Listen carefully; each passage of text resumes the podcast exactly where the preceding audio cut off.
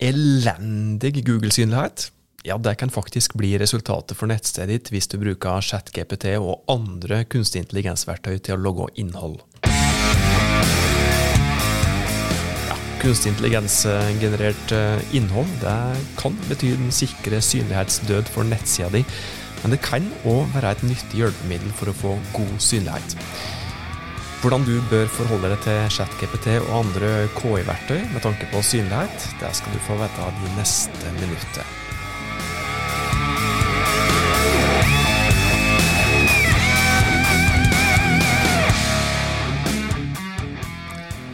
Hei, du.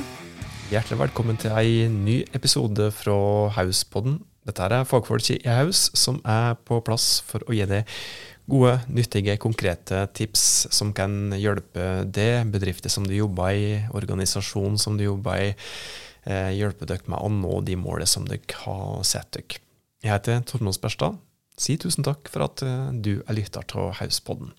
Denne episoden skal bli så stutt og konkret som mulig, for som vi eh, pratet om når vi hadde en eh, teaser som innledning til denne sesongen, så blir episoden framover en solid miks av inspirerende historier fra ekte folk i ekte bedrifter, som vi skal følge over tid i litt lengre episoder, samt noen stuttere episoder der målet er at du som hører på, skal sitte igjen med noe skikkelig matnyttig som kan hjelpe bedrifter som du jobber i med nå de målene som dere har satt dere, og ikke minst hjelpe det til å gjøre en bedre jobb. Og I dag så skal det handle om eh, kunstig intelligens og Google-synlighet, eller de to tingene sammen. Og bare for å si det, tipset som du får i dag, er ikke synsingsbasert. Dette er 100% faktabasert på det som Google sjøl har sagt i flere omganger. Og nå sist, i august 2023, der to synlighetseksperter fra nettopp eh, Google i en podkastepisode nevnte litt grann om kunstig intelligens, og hvordan de ser på bruk av verktøy som f.eks. ChatGPT til å generere innhold. Så vi går eh, rett på sak for å gi deg svar på følgende spørsmål. Er det negativt eh, for Google-synligheten din å bruke ChatGPT og andre KI-verktøy til å logge innhold? Hva er det egentlig Google sier rent konkret om dette her, og hvordan bør du forholde deg når du skal gå innhold, som f.eks. skrive produktbeskrivelse, um oss tekster, tekster til forsida, fagbloggen eller andre deler av nettstedet ditt. Og For å gå rett på det som Google ordrett har sagt, så har de sagt følgende. Det er viktigere enn noen gang å ha autentisk, ekte innhold som du har laga, fordi du har et ekte publikum, ei ekte målgruppe. Google sier òg at kunstig intelligens kan være nyttig og ha sin bruksverdi, men oss tror at kjerna er å styre mennesker mot autentisk informasjon, og det vil være nøkkelen til suksess når det gjelder synlighet på nett. Dette her er det som eh, disse her ekspertene fra nettopp Google sa nå helt konkret i august 2023. I tillegg til dette her, så hadde de bl.a. sagt dette her tidligere at Vi uh, har ikke sagt at uh, kunstig intelligens i seg sjøl er ille. Vi har sagt at innhold som primært er skrevet for å rangere i søkemotorene, i stedet for å skrive til og for ekte mennesker, er det som virkelig er temaet her. Og de har også sagt det at uh, hvis, hvis ja, om du så setter i gang 100 mennesker til å skrive innhold kun for å eh, ranke godt på, eh, i søkeresultatet på Google, eller om du bruker kunstig intelligens, så er dette egentlig samme sak. Det kan eh, slå like ille ut. Og Google har også sagt tidligere at de slår helt konkret ned på faktafeil.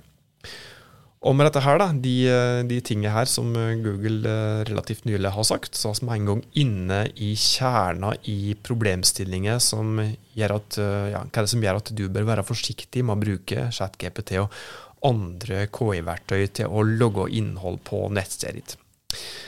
Det er dette med at uh, kunstig intelligensverktøy i seg sjøl ikke er autentiske, og sjøl om du ved å bruke gode prompts, gode kommandoer, kan trene opp verktøyet ganske godt, så vil det nok neppe i sin natur noen gang bli 100% autentisk innhold som du får ut i andre enden av et KI-verktøy. Og Enkelte KI-verktøy kommer òg med direkte faktafeil. Hvis en da ser på seg uttalelsene som Google har kommet med, så er det òg helt tydelig at uh, kunstig intelligens-generert innhold som blir brukt ukritisk når du skal logge tekstet til nettstedet ditt, det er et direkte brudd på spam-retningslinjene til Google. Og hvis Google mener at du bryter disse retningslinjene, så kan du bli straffa i form av dårligere synlighet. I retningslinjene sine så gir Google også klare hint i retning om at eh, KI-generert innhold som ikke er vurdert og kvalitetssikra av ekte mennesker, som det og meg, i form av konkrete eksempel. Da. Og noen av de eksemplene som de kommer med eh, når det gjelder når det gjelder spam-retningslinjene, er at uh, tekst som er oversett til automatiske verktøy uten menneskelig vurdering eller bearbeiding, det kan bli tolka som spam. De sier også at uh, tekst generert gjennom automatiserte prosesser uten at det er tatt hensyn til målgruppa og brukeropplevelsen, det kan òg bli tolka som spam.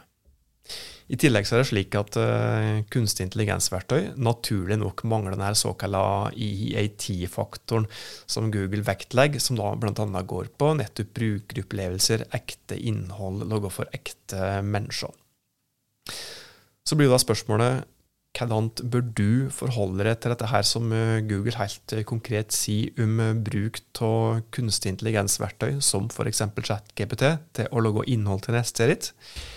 Jo, det betyr at du må konsentrere deg om å lage godt innhold for målgruppa di.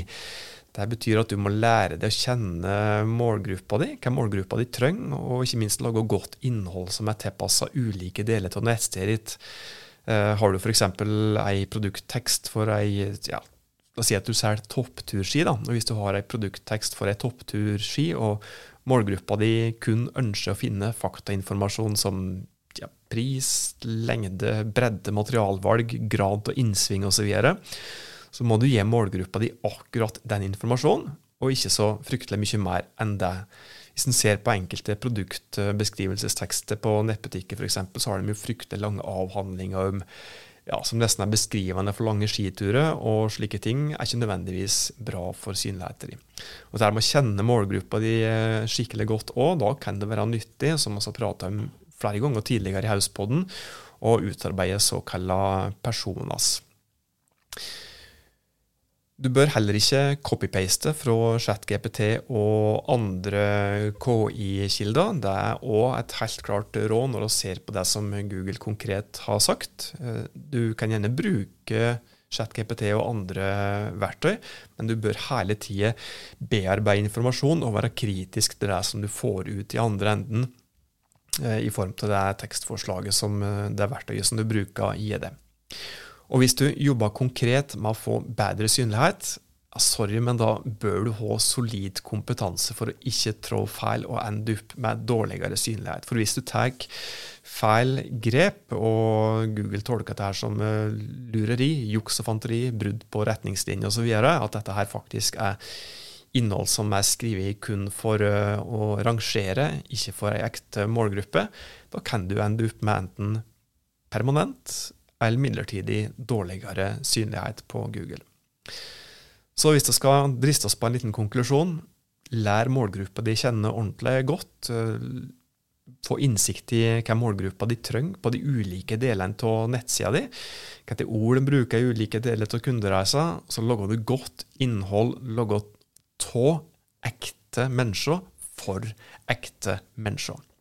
Og Hvis du i tillegg har de basic tingene på plass, som f.eks. At, eh, at nettsida di er mest mulig kompatibel eh, i eh, WCAG-krav, at nettsida di er universelt utforma, at du har ja, det tekniske på stell i henhold til de, de Google-kravet, eller de kravene som Google stiller til det rent tekniske, så har du et godt grunnlag for god synlighet på nettsida di framover. Det var konkrete og forhåpentligvis nyttige tips eh, om eh, hvordan du bør forholde deg til kunstig intelligens-generert innhold på nettstedet ditt, og hvilke konsekvenser det kan få for synligheten for nettstedet ditt. Inntil du og jeg og alle kollegaene mine høres neste gang, så må du ta godt vare på det og dine.